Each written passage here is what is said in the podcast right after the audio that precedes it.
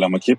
Ben Product Center ekibinden Erdem. Ben Fulfillment Order Master Data ekibinden Fırat. Teknoloji ekiplerini tanıdığımız ve süreçler, teknolojiler gibi konuları konuştuğumuz Selam Ekip Podcast serisinin 36. bölümünde Data Science ekibiyle birlikteyiz. Data Science ekibini tanıyıp ekip yapısı, kullanılan teknolojiler ve pratikler gibi konuları konuşacağız. Öncelikle hoş geldiniz arkadaşlar. Hoş geldiniz. Hoş bulduk.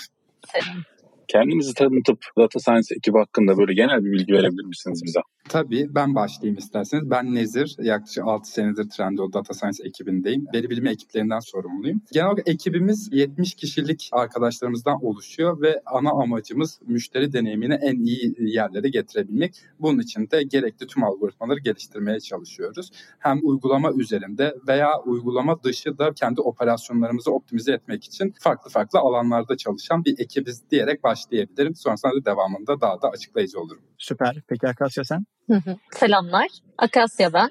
5 senedir Trendyol Data Science ekibindeyim ben de. Nezir'le birlikte çalışıyoruz. 13 domainimiz var. Biraz size anlatacağız detaylarını. Onlardan da Search ve Ads ekipleriyle beraber çalışıyorum diyeyim. Sözü tekrar size bırakayım. Süper. Tekrar hoş geldiniz. Birazcık daha böyle ekip yapısını detaylı öğrenebilir miyiz o zaman? Tabii. Ekibimiz aslında product mindset çalışan bir ekip. O yüzden de her product'ta hizmet sunmaya çalışıyoruz. Yani uygulamamız üzerinde veya uygulama dışı operasyonlarındaki tüm product'ları geliştirmeye çalışıyoruz. 7 farklı tribe'ımız var. Bu tribe'larımız farklı domainleri içeren tribe'lar. 15 tane farklı domainimiz var. Bunlar da hep farklı product'lardan oluşan domainler. Örnek olarak işte search ayrı bir domain bizim için. İşte homepage ayrı bir domain, operasyon ayrı bir domain, optimizasyon ayrı bir domain gibi düşünebilirsiniz. Bu ekiplerimiz Tribe çatısı altında beraber çalışarak birbirlerine de bilgi paylaşımı yaparak sürekli productlarını geliştirmekten sorumlu e, ekiplerimiz. Burada küçük bir soru sorabilir miyim Nezer? Şimdi data science bir de veri bilimi kısmında ben demiştim ya ekibinden sorumluyum. Burada şu an tribe olarak mı bir data science var yoksa küçük ekip olarak mı data science yani isimlendirmesi tam olarak nasıl oluyor? İsimlendirmemiz biraz farklı esasında. Biz central bir data science ekibiyiz. E, bu data science ekibinde de tribe'larımız da daha çok business wise bölünmüş durumda. Mesela bizim farklı business'larımız var biliyorsunuz. Go var, Dolap var, Financial Services var.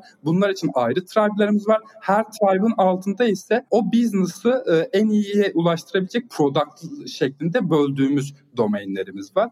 Yani tamamen central tüm Trendyol'a hizmet eden bir data science var ama bu data science'lar da product wise bölünmüş durumda. Okey aslında tek bir tane ekip tüm Trendyol'a hizmet veriyor gibi değildi. Aslında bölünmüş olarak tribe bazlı birden fazla yer var gibi düşünebiliriz ayağa. Değil mi? Aynen kesinlikle öyle. Yani her product'ımız için dedike çalışan ekiplerimiz var. Ha süper. Çok iyi. Peki ilk başta girişte şey demişti Akasya. Etsy ve Search ekipleriyle sanırım yakın çalışıyoruz demişti. Burada mesela yakın çalıştığınız ekiplerde tam olarak neler oluyor? Nasıl yapıyorsunuz? Ads ve Search aslında bizim domainlerimiz.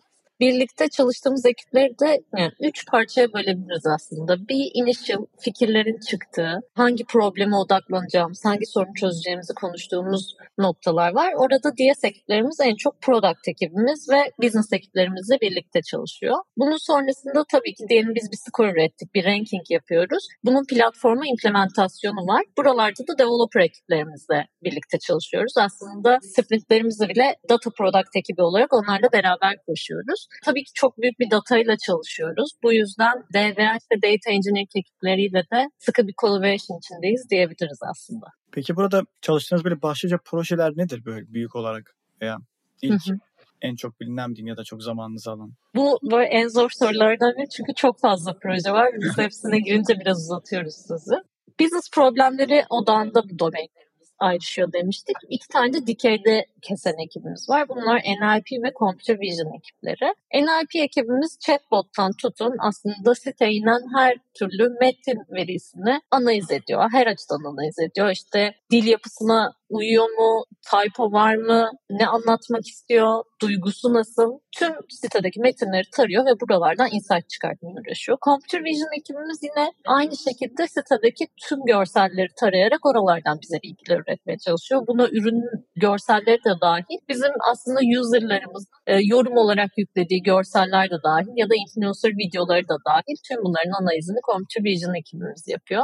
Search ekibimiz ya biraz daha bunlar dikeyde kestiği için ilgi çektiğini düşündüğüm için açıkçası anlattım. Search Recommendation, Local Commerce gibi pek çok farklı ekibimiz ve onların projeleri var. Bunları da ayrı bir doküman olarak paylaşırız ilgi duyanlar için. Çok iyi, çok iyi. Ben de buraya belki ekleme yapabilirim bu arada. Hı hı. Ee, biraz böyle şey user journey'i aslında izleyerek de anlatmaya çalışıyoruz genelde. Yani burada her aslında platforma giren kullanıcının platform açtıktan siparişini verip teslimatına kadar aslında tüm süreçlerinde data science algoritmalarının karşısına çıkıyor. Bunu işte ana sayfada ilk açtığında hangi bannerları görecek, hangi ürünleri görecek, işte bir aramaya bastığında, arama yaptığında hangi ürünler dönecek, bunlar nasıl sıralanacak, nasıl kişiselleşecek, soldaki filtreler nasıl olacak, sonra bir ürün detaya girdiğinde bu ürün detayda hangi ürünleri önereceğiz biz kullanıcıya, yorumlar neler olacak, bu yorumlar nasıl sıralanacak, kullanıcı nasıl daha iyi bir navigasyonu sağlayabiliriz veya siparişini verdi siparişini verdikten sonra hangi kurye atanacak o siparişi, hangi yoldan götürecek veya teslim aldıktan sonra kullanıcı bir e, sıkıntı yaşadığında kullanıcı mı haklı, satıcı mı haklı bunların karar mekanizmasının verilmesine kadar aslında kullanıcının tüm petini e, optimize etmeye çalışan projelerimiz var diye de ben de ek yapmak istedim. Çok iyi ya. Baştan sona tüm süreçler neredeyse. Evet içinde var. Buradaki iade kısmı neydi Nezer orası? Kaçırdım sanırım yani. Orayı biraz açabilir misin? Şöyle örnek verebilirim. Yani, çektiği için. Evet evet. Yani normal olarak iade e-ticarette en yaygın konulardan biri. Hatta e-ticaretin evet. yaygınlaşmasında en böyle e, sağlayan etkenlerden biri oldu. E, bizde de iade sürecinde müşterimize hiçbir şekilde zorluk çıkarmamaya uğraşıyoruz. Onların sürecini de kolaylaştırmaya çalışıyoruz. Burada bazen ihtilaflı iadeler olabiliyor. Mesela kullanıcı bir ürünü iade etmek istiyor ama satıcı bunu kabul etmiyor belli nedenlerden dolayı. O yüzden oralarda da yine algoritmaları koyarak kim haklıyı bulmamız gerekiyor ki müşterimizi üzmeden hemen iadesini gerçekleştirelim veya e, gerçekten e, satıcının haklı bir gerekçesi varsa da bunu ortaya çıkarabilelim algoritmayla ki daha haklı bir düzen olabilsin diye. Gayet güzel abi bence de. Şimdi ben şeyi merak ediyorum birazcık da. Baştan sona böyle bir data science projesi nasıl ilerliyor, nasıl başlanıyor ve sonunda nasıl devreye alınıyor? Birazcık daha bu süreçlerle ilgili detay bilgi verebilir misiniz? Aslında bir data science projesi bir business probleminin gelmesiyle başlıyor. Ya da biz yeni bir business'a gireceksek tamamen yeni bir dünyanın içine giriyoruz. İlk önce yaptığımız şey bunun benchmarklarını araştırmak oluyor. Literature review oluyor. Bu problemi başkaları nasıl ele almış? Bu konuda yazılmış paperlar var mı? Bunları inceliyoruz ve bunun üstünden bir hipotez oluşturuyoruz. Daha sonra tabii ki bu hipotezi doğrulayacak analizler yapmamız gerekiyor. Ve bunun üstüne çözümümüzü build ediyoruz. Her çözümümüzde ilk önce bir simülasyon frame'ine oturtmaya çalışıyoruz. Çünkü her şeyi biz A-B testte göremeyiz ama pek çok şeyi denemek istiyoruz. Dolayısıyla ilk önce bu alacağımız sonuçları bir simülasyonda görmeye çalışıyoruz ve evaluation metriklerimize bakıyoruz. Daha sonra tüm iterasyonlarımız kazanan iterasyonumuz simülasyonda A-B testte açılıyor ve A-B testte platformu olan etkisini direkt olarak görebiliyoruz ve kazandığımız takdirde canlıya alıyoruz. Kazanamazsak bu yine bizim için okey. O kazanamadığımız testi analiz ederek yeni bir şeyler öğrenmeye çalışıyoruz. Bu cycle sürekli olarak devam ediyor aslında. Bizde bir proje asla bitmiyor. İşte ürün sıralama projesi diyelim. Her seferinde yeni iterasyonla kendimizi beat etmeye çalışıyoruz. En challenging taraflarından da birisi bu bence bizim ekip için. Gayet güzel açıkladın. Teşekkür ederim. Peki bu algoritmalarınızın teste çıkmak için yeterli olduğunu nasıl anlıyorsunuz? Algoritmalarımızı teste çıkmadan önce çeşitli proseslerden geçiriyoruz zaten. Birincisi zaten model kurarken model sonuçlarının bir evaluation metriklerine zaten bakıyoruz. Yani gerçekten kurduğumuz modelin error'ı nedir, nerelerde fail ediyor ve nerelerde daha iyi perform ediyor. İlk önce tabii buna bakıyoruz. Sonra ama bizim business problemimize en uygun simülasyon ortamını yaratmaya çalışıyoruz. Çünkü bizim yaptığımız her model aslında business problemini tahmin eden veya o business problemine uygun bir çözüm e, olmak zorunda olmuyor. Buna mesela örnek vermek gerekirse işte bir search aramasında ürünleri sıralarken işte hangisi daha fazla satar gibi bir yaklaşım olabilir. Yani satma ihtimaline göre sıralanma olabilir. Ama biz burada tabii bunu yapmak için ne yapıyoruz? Satış ihtimalini tahmin etmeye çalışıyoruz. Ama bu satış ihtimalini doğru tahmin etmek veya yanlış tahmin etmek asıl business problemin derdi olmayabiliyor. Yani business problemi bizim X ürünü Y ürününden daha mı üstündür aslında bunu bulabilmek. O yüzden farklı bir yaklaşım gerçekleştirdiysek ve bunu model evaluation'da anlayamıyorsak bunun yerine bir simülasyon ortamı geliştiriyoruz ve business problemimize ne kadar impact yaratıyor, ne kadar fayda sağlamış bunu testten önce anlamaya çalışıyoruz ki testte daha böyle ayaklarımız yere basarak gidebilelim ve testi kazanma ihtimalimiz de artsın. Çok iyi. Burada o zaman test süreci aslında normale göre yani diğer yazılım projene göre ortalama olarak daha uzun sürüyor diyebilir miyiz? Sanki bana öyle geldi. Kesinlikle. Yani asıl işimiz zaten modelleri run ettikten sonra algoritma kurulduktan sonra bu modellerden hangisini seçmemiz gerekiyor? En önemli ve en fazla impact yarattığımız taraf da burası oluyor kesinlikle. Buraya çok fazla kafa yoruyoruz. Çok iyi, çok iyi. Burada peki az önce mesela A-B testi yapıp işte hani çıkarımlara bakıyoruz vesaire demiştiniz ya. Buradaki metrik takipleri ne oluyor? Çünkü baştan sona çok fazla süreç olduğu için birden de fazla türde metriğe sahipsiniz diye anlıyorum. Burada tam olarak bu metrikleri nasıl takip ediyorsunuz ya da monitoring kısmı nasıl gerçekleşiyor? A-B testimiz zaten belli ortamları hazırladık. Belli e, dashboardlarımız var. En önemli şey A-B teste başlamadan grupları bölmek. Yani bu genelde iki grup oluyor. Tabii bu en taneye kadar çıkabilir. İlk önce bu iki grup doğru bir şekilde dağılmış mı? Yani eşit kitleler, benzer kitleler A grubuna ve B grubuna girmiş mi? İlk önce buradan başlıyor konu ki biz algoritma, yeni algoritma test ederken şeyden emin olalım. İki grupta benzer e, davranıyordu. Yeni algoritmayla biri daha üstün davranmaya başladı. Bunu görebilmemiz gerekiyor. O yüzden ilk başta A-B test daha başlamadan bu kullanıcıların dağılımına bakıyoruz.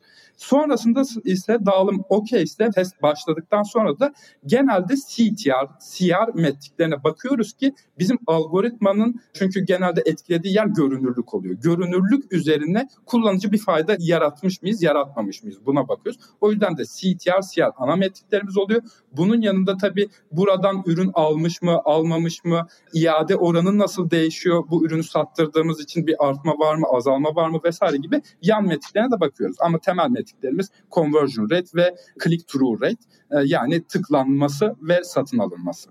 Burada peki şöyle mi oluyor?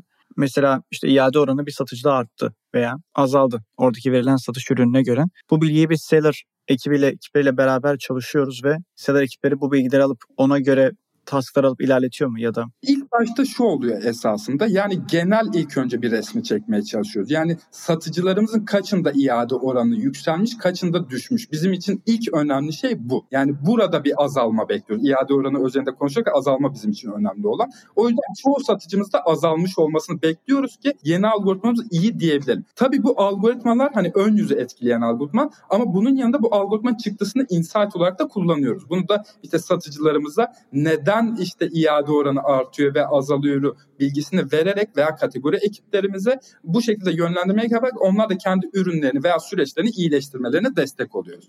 Anladım. Okey. Okey. Çok iyi. Peki burada kullandığınız teknolojiler neler? Ya da neden tercih ediyorsunuz o teknoloji? Örneğin pros konusları vesaire bunların nasıl ayrıştırılıyor?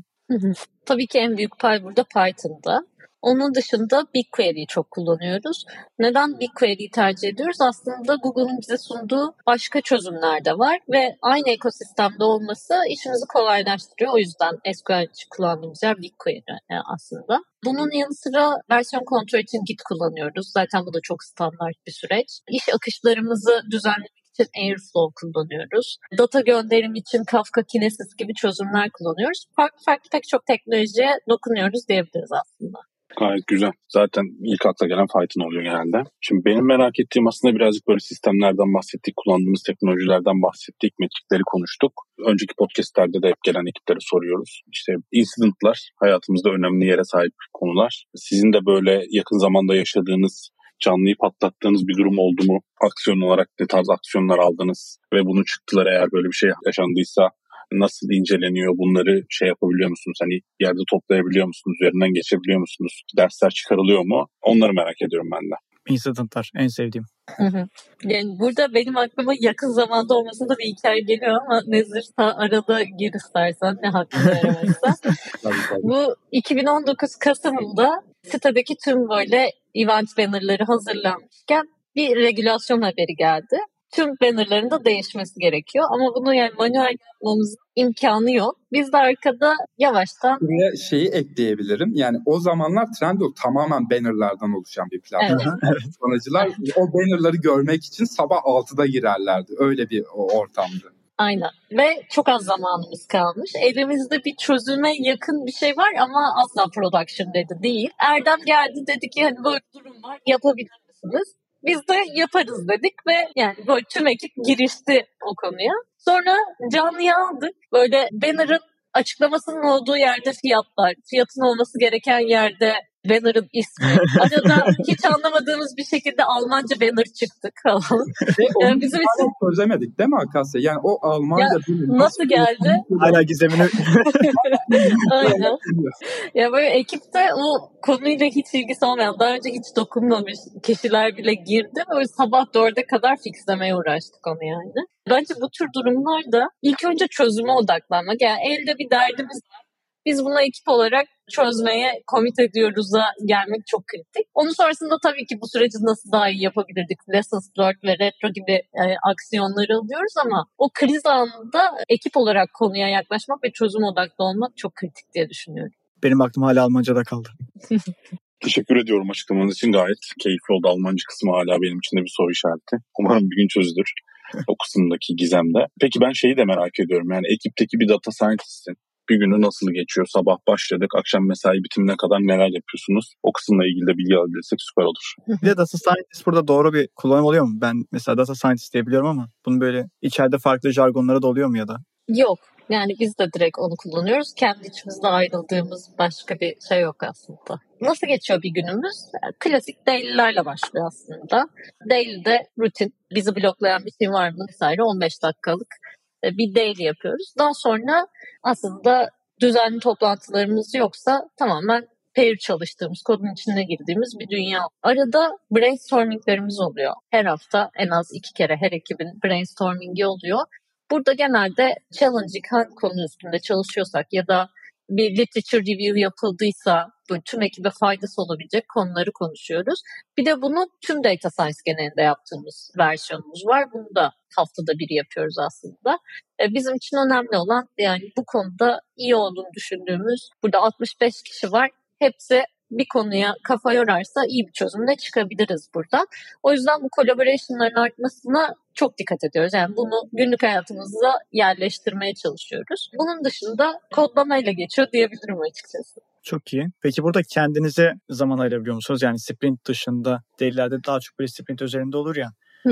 Sprint dışında da kendi adınıza böyle arge yapabildiğiniz zamanlar oluyor mu? Yoksa böyle yoğunluk veya o zaman yönetiminde hani sorun yaşanıyor mu? Ya da ekipçe belirli belki yaptığınız böyle arge toplantılar olabilir. O tarz şeyler var mı? Aslında bu think tank dediğimiz haftalık olan toplantımızda böyle direkt bir çözüme yönelik olmuyor da gerçekten yeni neler var şu an, bize katkısı olabilecek neler olabilir daha genel, daha serbest bir şey oluyor, brainstorming oluyor diyebilirim. Ee, onun dışında ekiple yaptığımız brainstormingler biraz daha amaca yönelik oluyor. Yani biz burada bir problem ele alıyoruz. Bununla ilgili son gelişmeler neler? Buradaki paperlardan çıkarımlarımız neler? Yine bir bence kendimizi geliştirdiğimiz bir alan ama biraz daha amaca yönelik. Bunların dışında da aslında Trendyol'un bir daha önceki podcastlerde de konuşulmuştur. Eğitim programı var. Oralardan hem bir eğitim bütçemiz var. Oradan faydalanabiliyoruz hem e, kurslar var alabileceğiniz hem de bizim data science üzerinde yaptığımız şeyler oluyor. Tüm ekip bir araya geldiğimiz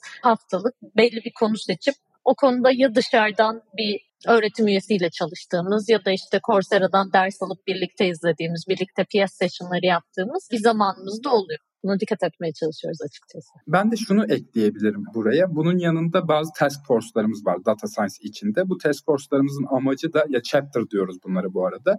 Bunların amacı da belli yöntemleri e, belli bir grubun odaklanıp çözmeye çalışması. Bu bir proje değil tabii. Mesela modelleme teknikleri olabilir. Yani veya simülasyonu biz en iyi nasıl yaparız'a kafa yorduğumuz şeyler oluyor. Burada tabii hep yenilikçi yaklaşımları bulmaya çalışıyoruz. Bir beyin fırtınası yapmaya çalışıyoruz. Bunun gibi sadece hani data science anda değil bunun yanında işte interviewlerimizi nasıl iyi yapabiliriz veya onboardingimizi nasıl sağlayabiliriz veya eğitim programımızı nasıl şekillendiririz gibi bunların üzerine çalışan hep böyle task force'larımız var. Bunlarla da ekibimizi güçlendirmeye çalışıyoruz. Ama buna bir tane daha örnek vermek isterim. E, yani bu e, yardımlaşmayı artıran ve e, ekiptekilerin know-how aktarımını sağlayan en iyi uygulamalarımızdan biri de rotasyon imkanı. Yani ekiplerimiz arasında rotasyonu sağlayarak hem know-how aktarımını sağlamış oluyoruz hem farklı bir ekipte nasıl çalışılabileceğini, farklı bir liderle veya farklı ekip arkadaşının nasıl çalışabileceğini deneyimlemesini bekliyoruz arkadaşımızdan ve farklı bir bakış açısını da katmasını bekliyoruz.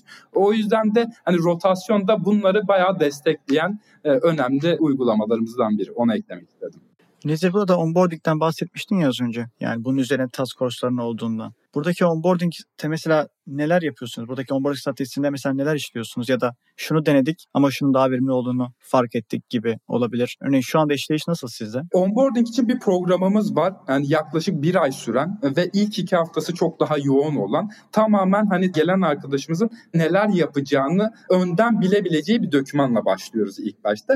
Ve bunun yanında da bu arkadaşımızın bir body'si oluyor. Yani tecrübeli bir data scientist arkadaşımız, Trendyol'da tecrübeli bir arkadaşımıza assign ediyoruz ki bu sürecinde, onboarding sürecinde çok yakın takip edebilsin, arkadaşımıza her konuda destek olabilsin. Burada e, teknik ve way of working konularında e, odaklanıyoruz daha çok. İlk önce bir datamızı tanımasını istiyoruz. E, yaptığımız çalışmaları görmesini, ge- geçmişte neler denedik, nerelerde fail ettik, nerelerde başarılı olduk bunları fazlasıyla anlatmaya çalışıyoruz. Bunun yanında prosedürlerimiz, way of working'imiz nasıl? Bunlara adapte olmasını sağlayacak e, farklı farklı geliştirmelerimiz var. Bunların en sonunda da tabii belli bir eğitim programından geçmesi gerekiyor onboarding'de. E, bunları sağlayarak ve yakından takip ederek de bir aylık bir dönemde arkadaşlarımızın onboard olmasını sağlamaya çalışıyoruz. Okey yani aslında bir ay boyunca bu kişiye verilebilecek aktarımlar vesaire var. Yani o bir ayı dolu dolu geçiyor gibi.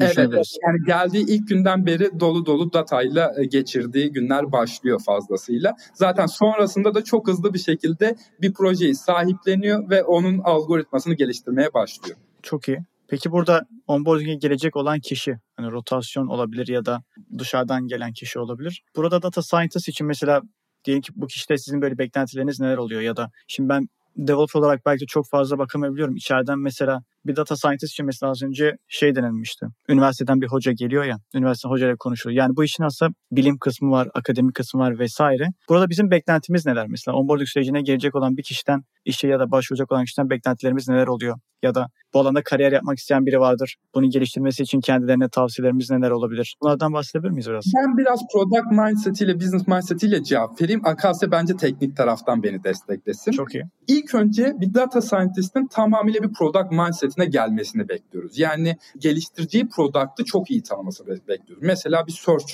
e, ekibinde çalışıyorsa arkadaşımız search engine nasıl çalışıyor, ne olması gerekiyor, kullanıcılar nerelerde zorlanıyor, neleri tercih ediyor bunlara çok çok odaklanması bekliyoruz ki kuracağı algoritmalarla gerçekten bunlara çözüm üretebilsin. O yüzden de en önemli şey beklentimiz gerçekten business'ı run edebilecek product mindset'e sahip arkadaşlarımız. İlk başlangıcımız burasıyla başlıyor kesinlikle. Ee, bunun dışında birkaç tane dikkat ettiğimiz şey var. Aslında biz ekip olarak çok diverse background'a sahip bir ekibiz. Yani çoğunluğu mühendis tabii ki ama işte kimya mühendisi var, ben inşaat mühendisiyim, mühendis olmayan arkadaşlar var vesaire. Yani bu konuda spesifik bir üniversite bölümünü hedeflemiyoruz aslında. Ama beklediğimiz şeyler var.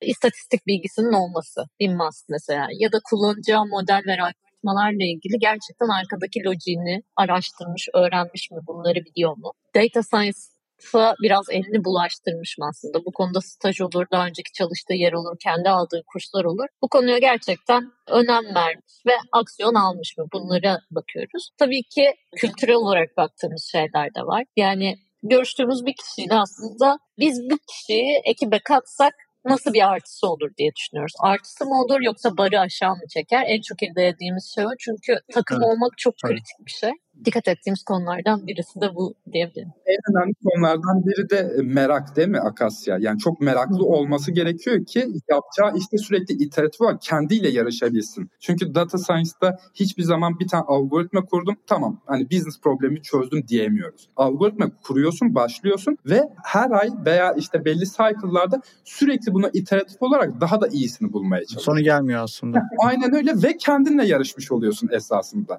Bu da büyük bir challenge aslında. O yüzden de çok meraklı olması gerekiyor ki araştırmalar yapabilsin ve kendinin bir önceki düşündüğünün üstüne daha iyi bir fikirle gelebilsin. Daha da üstüne çıkabilsin projesinde.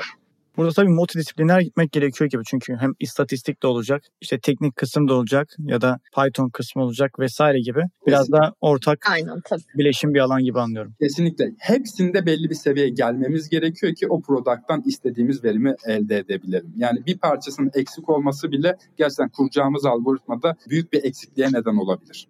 O zaman burada ARGE için de aslında yapacak çok fazla konunuz hep oluyordur değil mi? Yani haftalık mesela toplantılar yapıyordunuz ya ya da kendinizi geliştirmek için ayırdığınız zamanlarda. Her zaman aslında ben ne öğreneyim diye konu bulamadığınız bir şey olmuyor diye anlıyorum aslında. Çünkü her zaman bulabileceğiniz, öğrenebileceğiniz çok fazla önünüzde şey var gibi duruyor. Evet, Doğru muyum? Çok fazla problemimiz var. Çok fazla challenge e, yaşıyoruz. Aha. O yüzden de hani bunları zaten çözebilmek için yaptığımız araştırmalar, bunlar için hani denediğimiz metotlar vesaire zaten bunlar bir, bir yandan da kişisel gelişimimizin bir parçası ve bunlar da bizim ARGE tarafımız oluyor. Bunun yanında tabii daha hani official ARGE çalışmalarımız da var. E, TÜBİTAK'la beraber çalıştığımız zaten Trendyol'u bir ARGE merkezi. E, orada da daha farklı yöntemlerle yani business impact'inden ziyade gerçekten e, sektöre kazandırabileceğimiz bir bilgi bulmaya çalışıyoruz oralarda da. Burada benim anladığım kadarıyla aslında birazcık şey, rutin bir hayat istemeyen, kendini sürekli geliştirmeyi seven kişilere yönelik birazcık da yani ben belli bir noktaya geleyim. Ondan sonra işte rutin takılayım. işim gücüm belli olsun, yapacağım şeyler belli olsun diyen kişilere çok hitap etmeyen bir bölüm, bir alan olarak anlıyorum ben. Kesinlikle, kesinlikle. Yani sürekli kendine yarıştığın bir dünya ve sürekli yeni problemleri keşfettiğin bir dünya. O yüzden de gerçekten çok dinamik bir ekibe ihtiyacımız var. Kendiyle yarışan, sürekli kendini geliştirmeye çalışan bir ekip olması gerekiyor ki e, bu problemlerin altından kalkabilelim. Aynen öyle. Peki ben şeyi de merak ediyorum. Yani yeni projeleri nasıl buluyorsunuz? Böyle size business ekiplerinden gelen şeyler de mutlaka oluyordur ama kendi keşfettiğiniz, yapmak istediğiniz şeyler de oluyordur diye tahmin ediyorum. Birazcık da o süreçten bahsedebilir misiniz? Yani aslında biz de kullanıcı olarak Trendyol kullanmaya devam ediyoruz. Yeni projelerde mutlaka müşteriye dokunan yerlerden çıkıyor. Yani mesela Trendyol'da artık yorumlar var ve inanılmaz bir trafik alıyoruz. Haliyle yorumlarda bir yerden sonra bir ürünün altında 20 bin 30 bin tane yorum oluyor. Biz bunu kullanıcı olarak zaten fark ediyoruz. Yani ben bu 20 bin yorumun hepsini okuyamam ve ben bunu recency'ye göre sıraladığımda da aslında çok fazla şey okuyorum ama istediğim infoları yakalamam uzun sürüyor. O zaman tamam burada bir sıralama arayışına girmemiz lazım. Bizim buraya bir sıralama algoritması yapmamız lazım. Hedefimiz ne olmalı? Nasıl feature'lar kullanabiliriz? Aslında böyle böyle müşteriye dokunan sorunlardan onlara çözüm üreterek çıkıyor diyebilirim. Yani %90 projelerin böyle aslında. Çok güzel, çok teşekkür ederim. Bir de ben şeyi merak ediyorum. Hep böyle işte kendimizi geliştirmekten bahsettik. Sürekli araştırma, geliştirme yapmamız gerekiyor. Peki sizin takım olarak karşılaştığınız en büyük challenge nedir? Onu merak ediyorum biraz daha. Aslında az önce söylediğim gibi en büyük challenge'ımız kendimiz oluyor. Yani e, kendi yaptığımız bir algoritmaya geçmeye çalışıyoruz. Bu zaten çok büyük bir challenge. Bunun yanında farklı problemlerle uğraşıyoruz. O yüzden farklı problemlere hızlı cevaplar üretebilmemiz gerekiyor. Bu da önemli challenge'larımızdan biri. Ama bunların bence şey hani güzel tarafı da şu yaptığımız işin sonucunu en objektif şekilde görebiliyoruz. Yani başarılı mı olduk, başarısız mı olduk çok rahat görebiliriz çünkü A-B testimiz var. Yani bir algoritma ürettikten sonra iş sonucunu artık müşterilerden bekliyoruz. Kullanıcılarımız davranışlarını değiştiriyorlarsa, iyi taraflı değiştiriyorsa başarılı olduk diyoruz. Değiştirmiyorsa başarısız olduk diyoruz. Yani challenge'ların yanında böyle bir objektif değerlendirme de olduğu için bu challenge'ları daha da böyle sahiplenebiliyoruz ve bu challenge'ların üzerine gidebiliyoruz. Beni burada küçük bir belirtmek istediğim içimde kalacak söylemezsem. Burada Akasya az önce bir şeyden bahsetmişti. Şu yorumlarda işte en önemli ya da yararlı olanı en üstte koyuyoruz var ya kategorinin şu an ismini ama mesela atıyorum ev ürünleri falan olduğunda giriyorum. evet kesinlikle. Giriyorum ve diyor ki işte ürün nasıl diye bakacağım. Çeyizim için aldım. Teşekkür ederim bu bilgilendirme için. Çok sağ olun. Teşekkür ya biz bunu ya. denedik. Yani bunu denedik. Gerçekten çeyiz yorumları çok önemli. Gerçekten çeyiz her şey altımızda kaybediyor. Yani insanların karar mekanizmasında bu önemli bir aslında.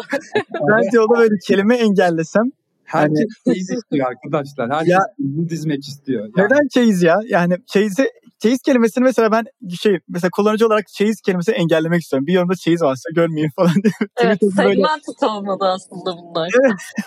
Twitter'da şey olur ya böyle bazı öyle kelimeleri engelleyebiliyorsun. Onu içeren varsa kapatıyorsun. Sen de bunun gibi. Çeyizim için aldı derse görmek istemiyorum o kişiyi böyle. İlginç bir şekilde algoritmamızda da çeyizin olması aslında kullanıcıların daha istediği bir şeyi de. Ha, şey değil mi? Çeyiz için alan diyor ki çeyiz için başka alan varsa. Bir zaman böyle bir patern gördük açıkçası. Yani çeyiz yorumlarını insanlar daha fazla görmek istiyordu, okumak istiyordu. E, tabii bunlar hep bias e, olan şeyler. Tabii. Ve kişiden kişiye de değişiyor. Kesinlikle çok güzel. Hepimiz bir şey bekliyor.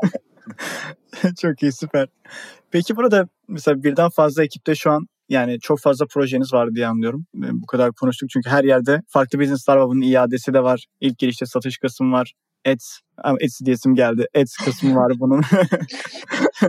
Burada şimdi peki ekipten gelen bir kişi dışarıdan bir data science ilgileniyor ama bu işin de business kafası vardı. Az önce Nezire demiş sanırım. Bir de business e, mind ile gelinmesi lazım diye. Burada o kişi hani direkt o yaptığı işe motive olabiliyor mu yani? Çünkü sonuçta teknik bir iş değil de daha çok business odaklı oluyor ya. Burada gelen kişinin sizdeki business'la eşleşip eşleşemeyeceğini hani bir şekilde ayırt edebiliyor musunuz? Ki yani motive olursa her zaman üstüne daha fazla ekleyebilir ya. Çünkü her zaman en büyük rakibi kendisi diye anlıyorum. O zaman o işi gerçekten de severek yapmalı. Bu sadece yaptım bitti gibi olmuyor diye anlıyorum. Aynen. O da böyle Ya aslında şöyle business mindsetinden kastım şu. Biz bir business problemleriyle uğraşıyoruz veya bir product e, problemiyle uğraşıyoruz. Yani kullanıcı neyi istiyor? Şimdi asıl işimiz bizim business problemi nasıl bir matematiksel equation'a dönüştürebileceğimizle başlıyor esasında. Yani o yüzden business mindseti olması gerekiyor diyoruz arkadaşlarımızın. Bu, bu mindsette olunca bu e, matematiksel equation'ı çok daha rahat dönüştürebiliyor. Bu sayede aslında kuracağı algoritmanın impact'i artıyor. Çözümünün kalitesi iyileşmiş oluyor. O yüzden business mindseti çok çok önemli diyoruz. O zaman teşekkür ediyoruz geldiğiniz için. Gayet güzel, keyifli bir sohbet oldu. Kendi adıma da pek çok şey e, öğrenmiş oldum data science ile ilgili. Biz çok teşekkür, Teşekkür ederiz. ederiz. Bu kadar geniş olacağını tahmin etmemiştim ya. data science kısmı bayağı iyiymiş bu arada. Aynen ben de aynı şekilde. Bence ileride bir episode daha yaparsak birazcık daha detaya girmek istedim ben de. Zaman Aynen. kısıtımızdan dolayı giremediğimiz konular oldu. O zaman tekrar teşekkürler. Bir sonraki bölümde görüşmek üzere. Görüşmek üzere. Görüşmek üzere.